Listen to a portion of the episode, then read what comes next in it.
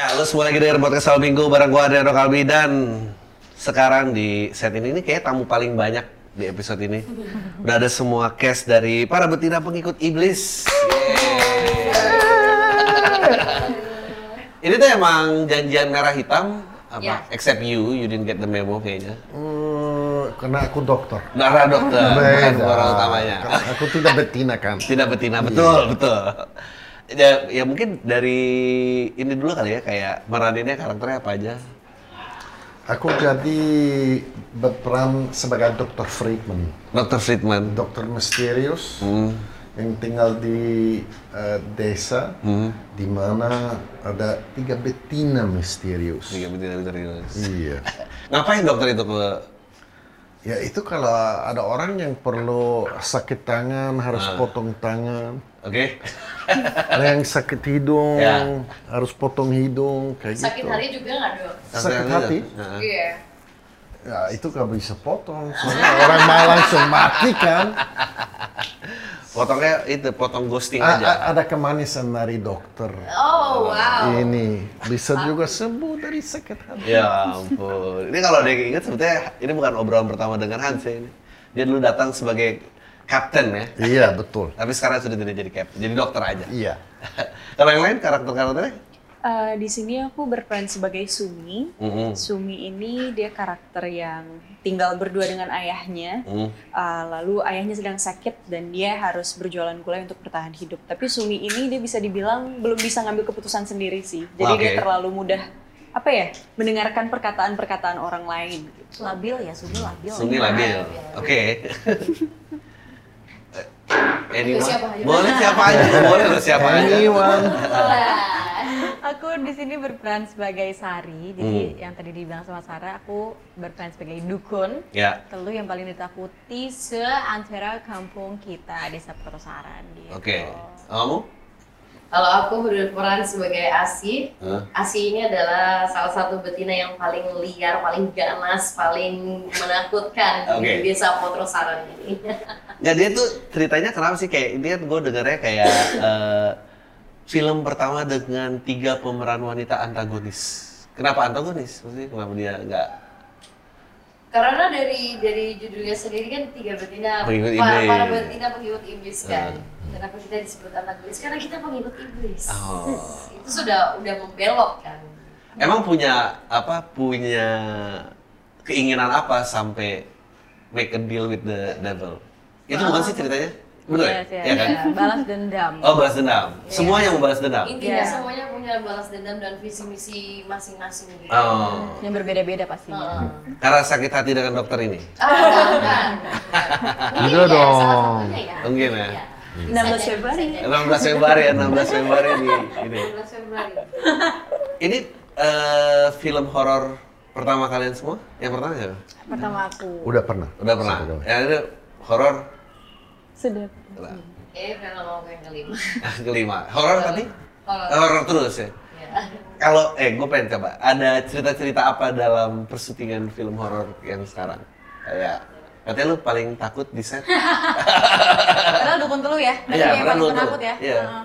aku sebenarnya lebih ke arah mm, nggak merasakan mistis yang gimana-gimana, alhamdulillahnya. nah. Gitu. Cuman emang agak paranoid aja. Paranoid. Gitu. Jadi kalau misalnya em, kan kalau lagi syuting pasti kayak kamu standby-nya di sana dulu ya. Gitu Nah. kan. Itu harus kayak temenin aku please gitu. Oh. Jadi harus bener-bener ditemenin sampai kayak kamera roll baru pada cabut gitu. Oh. Action baru jalan sendiri.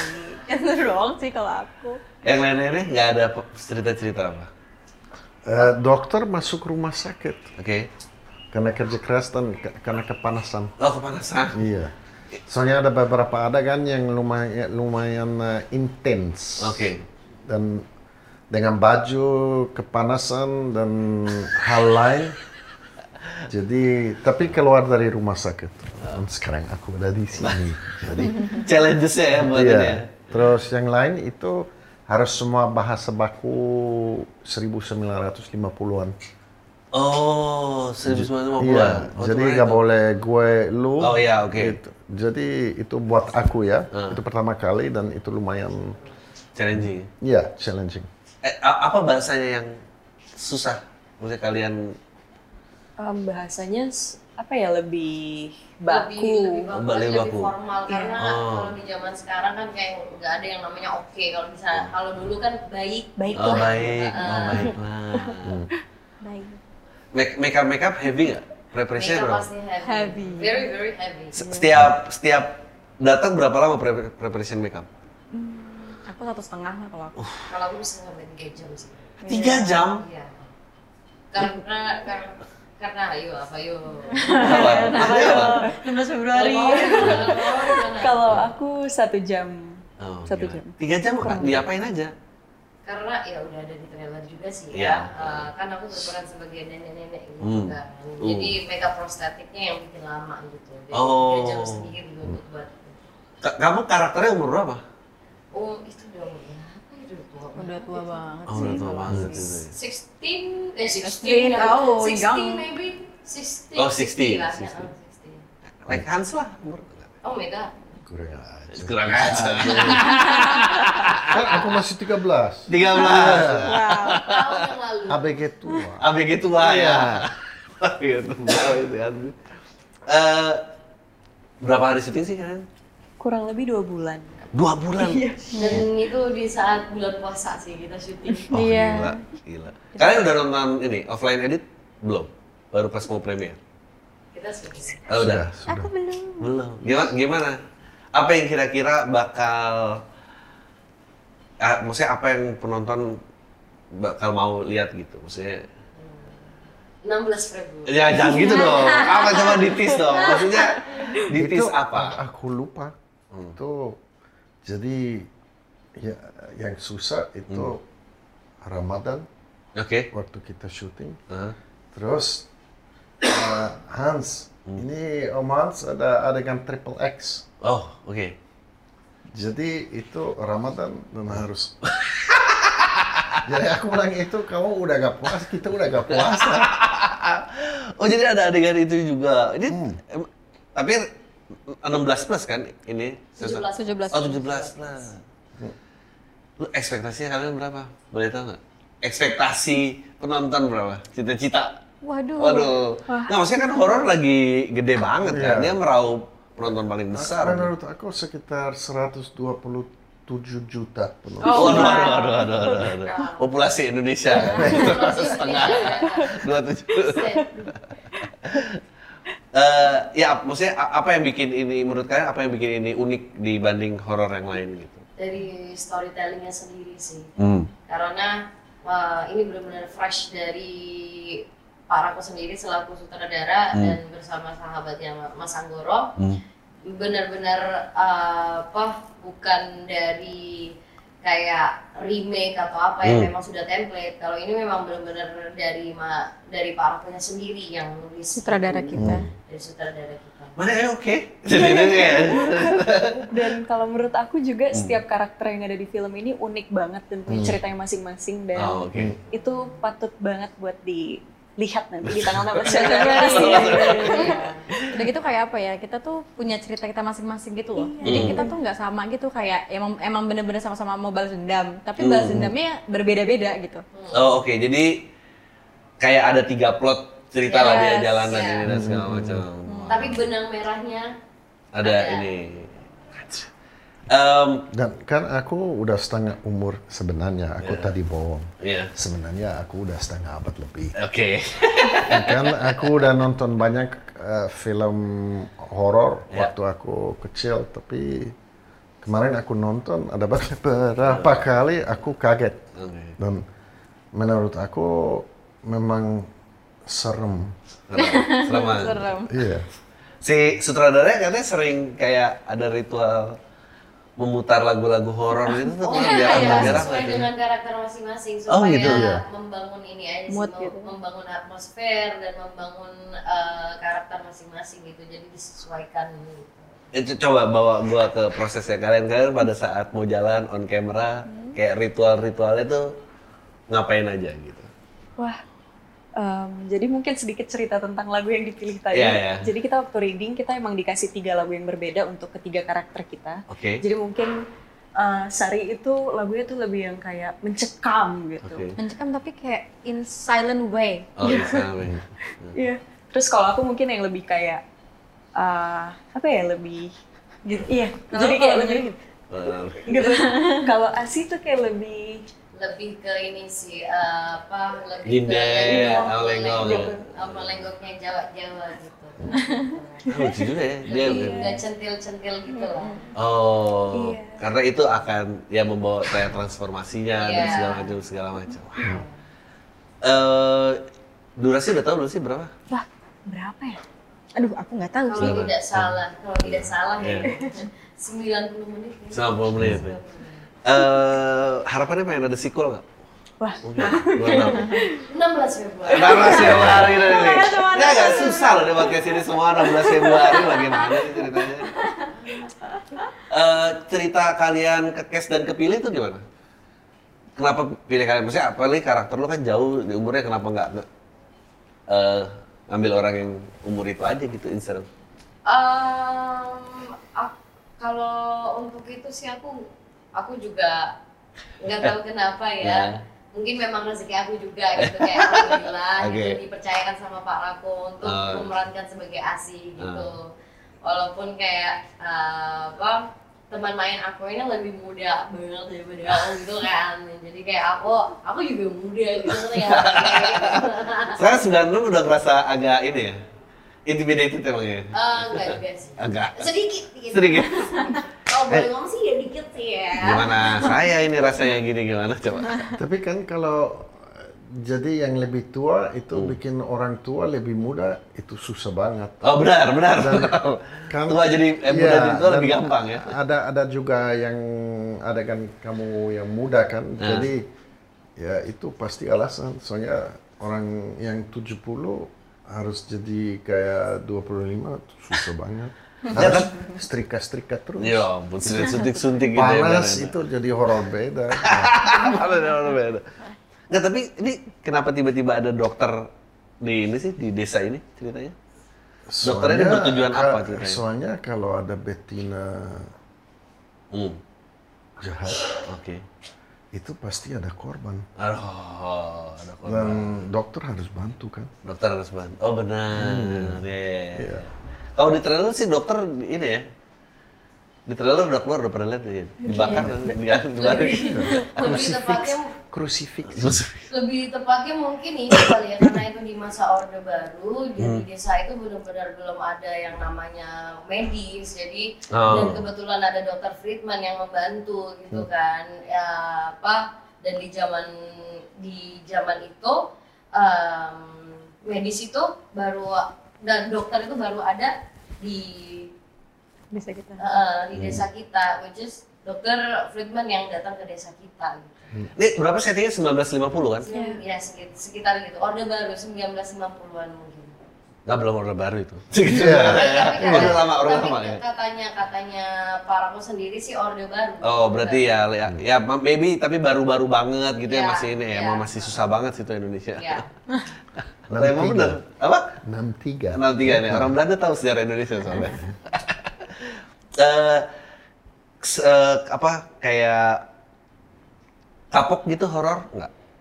Enggak, Enggak biasa. Enggak sih, sih. sama sekali. Soalnya produksian horor kita yang ini memang agak mungkin brutal ya kalau nonton Hmm. filmnya gitu. Tapi padahal produksi aslinya kita sangat menyenangkan. Iya, menyenangkan sekali. Sangat Semua kayak- tim sangat solid dan luar biasa kerja kerasnya sih. Iya, selalu apa ya? Selalu tertawa, selalu ada apa ya? Selalu men- menyempilkan candaan-candaan gitu. Kalau kalau kalian sendiri sebagai eh, aktris gitu ya, lebih berat drama apa lebih berat horor? Tergantung karakternya sih. Kak. Tergantung karakternya. Iya, tergantung karakternya. So, so far sejauh ini pengalaman kamu?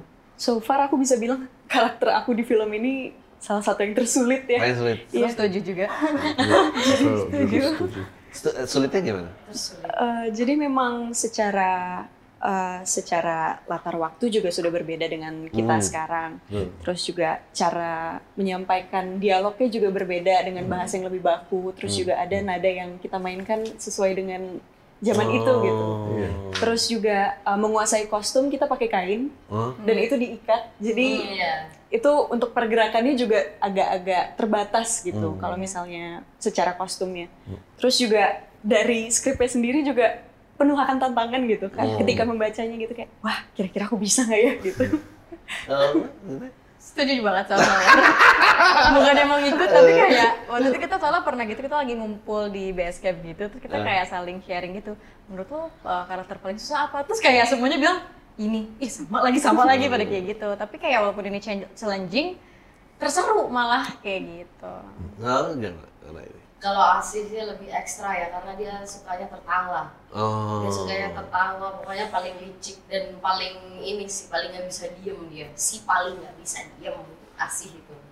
ada ada momen-momen di mana pas make up off kamera mati karakternya masih ke bawah nggak sih kayak kayak tempelan nggak ada nggak ada mungkin lebih ke gesture gitu kayak Iya kalau gesturnya mungkin masih ada ya gitu. tapi kalau karakter Ya, aku satu minggu setelah selesai syuting, aku bunuh orang di Cila di ya Citas, ampun Cilamatau. ya ampun Parah kan? Parah Iya. banget. Nah, bercanda, bercanda, bercanda. Aku gak bunuh kasian banget Tote abis ini ya itu dipotong aja buat TikTok kita ya, ntar di ini pengakuannya Hans ada di mana mana gue gue penasaran sama lu deh kayak lu obviously tahu dari musik kan gitu kalau suruh pilih musik film gitu pilih Dua-duanya. dua-duanya Dua-duanya karena aku jalan karena aku sangat terinspirasi sama Jared Leto. Ah, oke Dia musisi Wow. tapi dia juga aktor gitu. that's interesting I mean like karena kalau semuanya nggak bisa dilakuin dua-duanya why not? iya iya dan dia sangat versatile ya maksudnya dia nggak nggak nggak setengah-setengah gitu Nggak setengah-setengah, jadi benar-benar kayak totalitas banget gitu loh. Bukan Musik yang- tetap jalan, Iya. acting juga tetap jalan gitu. Iya benar-benar. Dia nggak cheesy acting yang musician ditaruh terus Iya. kayak "Eh, ini mah orang nggak bisa acting gitu. Iya. Kayak iya. Kalau kalian semua eh, idol lu siapa? Nah. Eh, kalau di Indonesia aku adalah penggemar berat dari Mbak Ina Oke. Mama Ina Oh, iya. iya jadi kita pernah ketemu di satu judul bareng dan wah Happy banget. happy banget kayak seneng banget bisa belajar banyak banget dari Mbak Ina sampai sekarang masih kagum sekali Ka- Kalau luar? kalau luar em, ada banyak sih aku juga suka banget Joaquin Phoenix Joaquin Phoenix, oke? Ah, ah. terus ada banyak sih kak Hmm. banyak banget Kalau artis luar aku sukanya Anne Hathaway. Oke, oke. Itu juga gue cuma. Tuh. nih. Iya. Ah, gue penasaran kayak, what is it about acting yang menurut lo kalau eh, orang tuh dengar, oke gue mau belajar nih, gue bakal suka nih, gitu. buat kalian gitu. Apa ya? Kalau aku sendiri ngerasa melalui acting itu kita banyak belajar perspektif baru, Oke. kayak kepribadian yang berbeda dari diri kita sendiri. Hmm. Terus juga bagaimana ya bagaimana kita menghadapi sebuah peristiwa dengan cara pandang orang lain gitu. Jadi kita ketika kita nonton film, kita kayak masuk jendela di mana kita nonton kisah orang dengan cara pandang yang berbeda itu gitu Hmm. dari si karakter-karakter dan tokoh-tokoh itu. Ka- Kalau Hans gimana? Cerita kecemplung di dunia entertainment coba boleh diulang lagi? Ja- Boleh dulu kalau Indonesia Tio Pakusadewo, Oh ya, kalau eh, brilliant actor. Ameri eh, di luar Daniel Day Lewis. Daniel Day-Lewis, oke. Iya. Emang you always pengen acting? No, Enggak. no.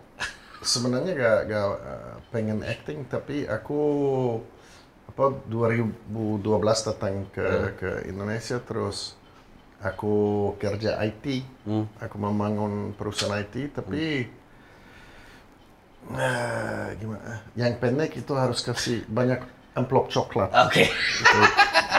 Kasian. Dan aku gak mau. Terus aku ketemu Ria Irawan. Ya. Terus dia bilang, eh boleh kamu sini kita main di Flores ada film. Dan aku ikut. Terus ada banyak panggilan. Om Hans ini ada film, ada film, ada film. Wow. Dan ya se- sekarang udah 30 film, series. 30, 30 film? Iya, udah. Four series, wow. Ya, orang back home nyangka nggak kayak?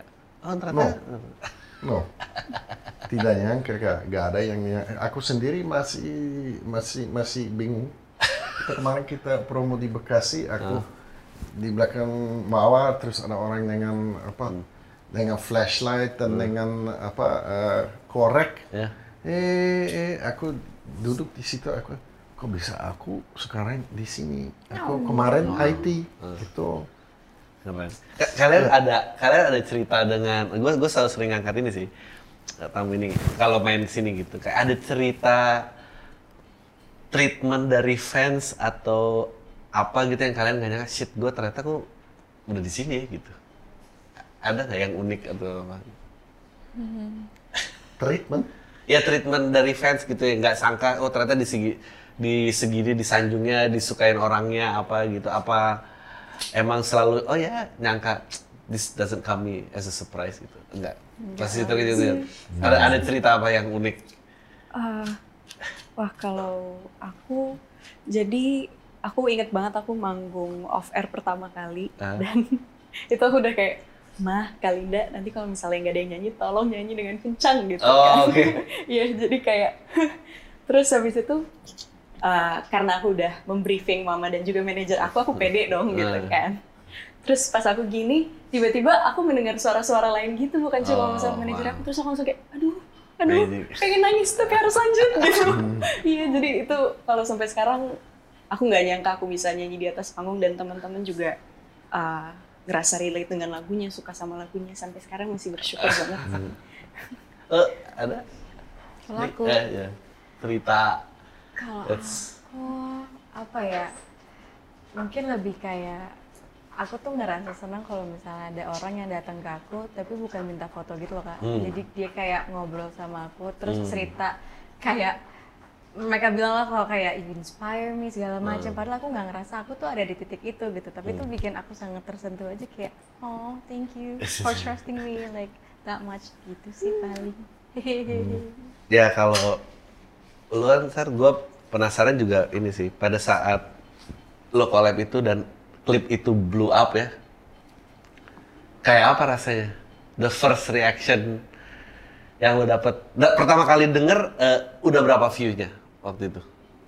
Tahu kabarnya? beberapa hari udah 1 m Oke. kayak itu wow wow kayak kaget banget gitu terus nggak lama seminggu udah 2 m lama-lama lama-lama nambah nambah nambah nambah nambah terus kayak oh my god Nah, rezekinya ya ini Allah Masya gitu. Allah meskipun pandemi di Oh, rumah iya. tapi kayak seneng aja gitu dan such a blessing dan salah satu yang bikin terharu adalah salah satu dari teman aku yang Hmm. ternyata uh, dulu itu satu pekerjaan juga gitu kan Hmm. maksudnya bukan satu ya di satu lingkungan pekerjaan dia itu dia bilang istri aku ngefans banget sama kamu. Hmm. dan ini anak pertama aku. Hmm.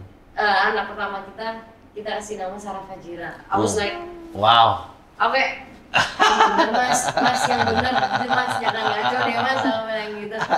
Mas yang bener beneran sar. Kamu tuh bener-bener menginspirasi aku dari kamu waktu nyanyi di kafe sampai sekarang. Kamu Wow. udah sampai udah di titik ini. Kamu keren. Kamu luar biasa menginspirasi kami. Aku kayak aku bahkan kayak ngerasa aku masih masih kayak biasa biasa masih kayak belum apa-apa gitu loh. Aku masih kayak masih still learning dan I'm still a junior. I'm apa I'm still looking for my um, for for my own jati diri Iya. gitu loh. Dan uh, dan dia bilang kayak menginspirasi itu luar biasa. Alhamdulillah ya alhamdulillah mungkin ya ini suatu apa ya suatu berkah dari Allah yang dikasih cuma melalui dari Sarah untuk ke teman Sarah gitu. Ya hebat banget ya, Ma- masih muda loh udah bijak sekali. Nggak tenggelam dalam semua hiruk pikuk dan fame yang terjadi gitu. Eh, tapi kalau sekarang kita kan ngeliat film banyak ya gitu dan em, lu nggak pernah tahu kayak rolling the dice banget gitu kadang hit hit gede banget atau jelek jelek banget obviously kalian udah pernah ngalamin downs. ada ketakutan nggak sih kayak nggak di- kalau nggak diterima dan apa gitu atau, atau nggak apalagi pernah sukses sebelumnya gitu kayak ini gede terus di sini Kalau itu su- sudah pasti yang pasti yang yang penting sih Hmm. tetap low expectation. oh low low expectation ex- expectation. Dan tetap ini aja tetap rendah hati gitu. Walaupun dulu mungkin kita pernah di masa jayanya Eh, eh, karena manusia nggak selalu di atas kan. Eh. roda itu berputar. Ya. kita pasti ada di titik bawah kadang kita akan di atas lagi Eh. kadang kita di bawah lagi gitu. Jadi ya buat kayak self reminder aja kayak jangan sombong. Kalau seumpamanya nanti suatu saat eh, your fame diambil sama Tuhan ya kamu udah mempersiapkan diri bahwa oh ya udah nggak apa-apa insya Allah mudah-mudahan nanti ke depannya me- eh, apa dapat lagi masa jayanya gitu Nih, nih gue ngomongnya akan acak-acak dulu, ntar kita akan balik lagi ke filmnya sambil ngatur. Lo obviously kan, maaf ya Hans, agak diasingkan dulu ngobrol sama the three ladies ini. Harus minta maaf. Nggak. Aman, Aman, aman, aman. Iya. eh obviously kan kita came from a different generation ya. Maksudnya, eh gua juga nggak, gua awalnya itu copywriter iklan yang nggak pernah nyangka bakal ada di depan kamera gitu bikin konten, stand up dan segala macam bla bla bla. Nah, kalian pasti lebih native dengan sosial media dan segala macam. Kalau dari sisi kalian ya, kayak pressure dari sosial media dan ngelihat sampai creating banyak mental illness dan segala macam, kalian tuh nyas nyasatinnya gimana gitu? Maksudnya kan kalian pasti setiap salah dikit dikejar orang atau mungkin ada yang pernah udah bikin kasus dan segala macam, belum bagi tipsnya gimana? Aku sih social media detox. Oh, social media detox, oke. Iya, dan Bener-bener aku aku sering banget sejujurnya tuh ngelakuin itu. Jadi kayak kalau liat Instagram aku mungkin yang ngikutin pasti pernah lihat kalau ih yang ini tuh kok jarang banget aktif itu gue lagi Oke. aku hapus aja Instagramnya Oh, oke. gitu karena em, di saat aku lagi ngapus semua social media aku tuh enak aja kayak oh ini ya sebenarnya hidup yang sesungguhnya gitu loh. Ah. jadi lebih fresh aja gitu. Eh, momen kayak apa yang bikin lo ngerasa kayak nggak kayak ini it's time nih untuk untuk take back dulu. Ah take back buat kayak apa Istirahat, ah. istirahat gitu kan. Mungkin lebih kayak apa ya tuntutan banyak banget aja sih di DM DM gitu kan kayak misalnya kayak iya nggak sih DM DM aja Iya, gitu iya. kan. Kayak perkara ibaratnya jarang update aja tuh kayak Hmm. update dong. Wow. Shh, bentar ya. Gitu kan ibaratnya. Ibaratnya tuh kayak gitu. Jadi kayak eh, ya banyak lah hal-hal negatif yang harus diistirahatkan dulu supaya kita nggak terlalu terjerumus Hmm. ke dalam social media itu. Karena kayak social media is not everything actually. Ya, you guys keep saying that, tapi kan itu mainannya, kayaknya mainannya Benar. generasi. I think kayak millennials itu eh, sekarang udah mulai kejadian kayak kita generasi yang angkat kayak oh akhirnya rokok tuh buruk ya gitu, alkohol tuh buruk ya. I think itu akan jadi perangnya generasi kalian deh. Bahwa sosial media kayak harus di. Lu pernah ada cerita apa nggak yang? Tapi tidak hanya millennials. ah itu sudah sekarang kan itu ada riset dari 2000 karena kan aku seperti kamu dulu di digital media ya, ya. sejak 2013 eh, eh, bunuh diri Mhm. Naik Hmm. antara eh, umur em- 14 dan 19 Ya. 30 sekitar 30 persen itu tidak hanya di Amerika Hmm. dan sekarang sudah ada orang eh, 50 60 yang juga pakai Instagram Hmm. dan Instagram itu juga kayak alkohol atau rokok atau itu ada pecandu Hmm. jadi masalah itu tidak ya millennials ada Hmm. itu tapi ada juga banyak eh, apa sudah banyak orang-orang lebih tua Oh no, no. maksudnya adalah uh, millennials itu generasi yang akhirnya bilang bahwa rokok dan alkohol itu buruk. Ah, I think oke.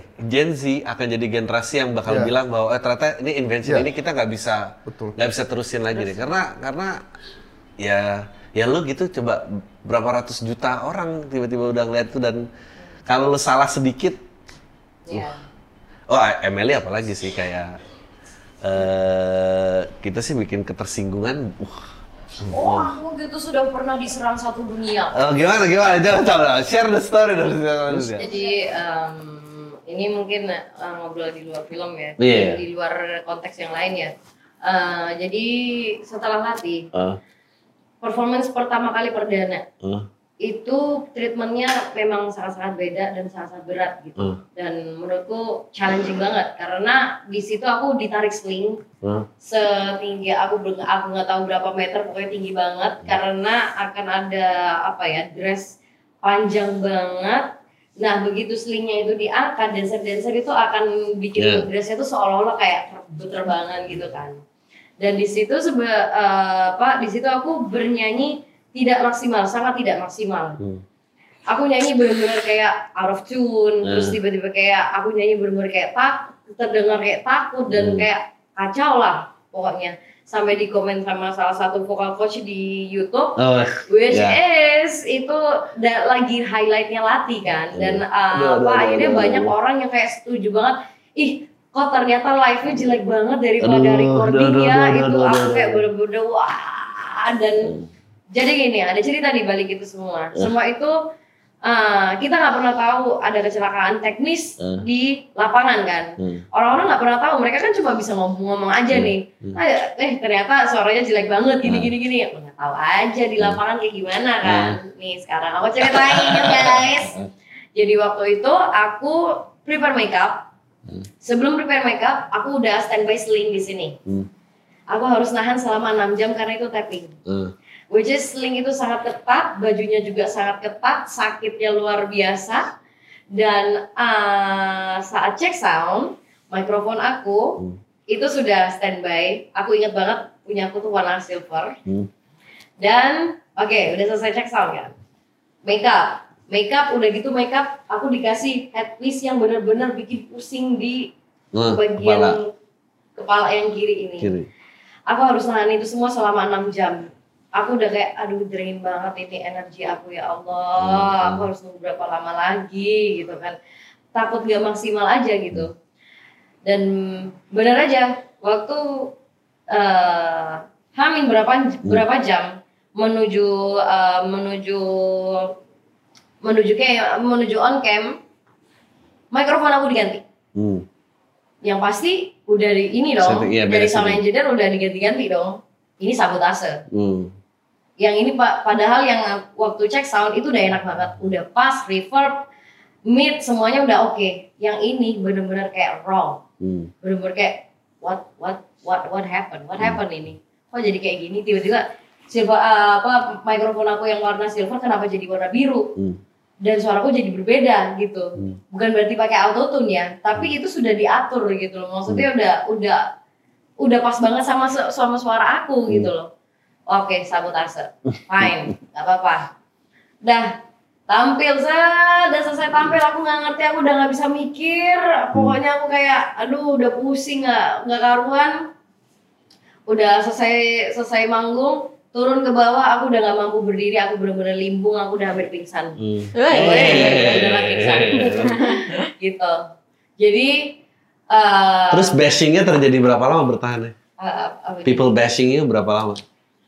I think like almost a week A week. a week Terus dan itu aku di di bener-bener kayak dicap oh ternyata penyanyi Hmm. penyanyi recorder recording doang iya, bukan iya. penyanyi live kayak gitu gitu ada lagi kan eh, vokalis lainnya yang sebetulnya wak- lagunya sangat viral di TikTok dan sampai harus klarifikasi di tempat lain dan apa.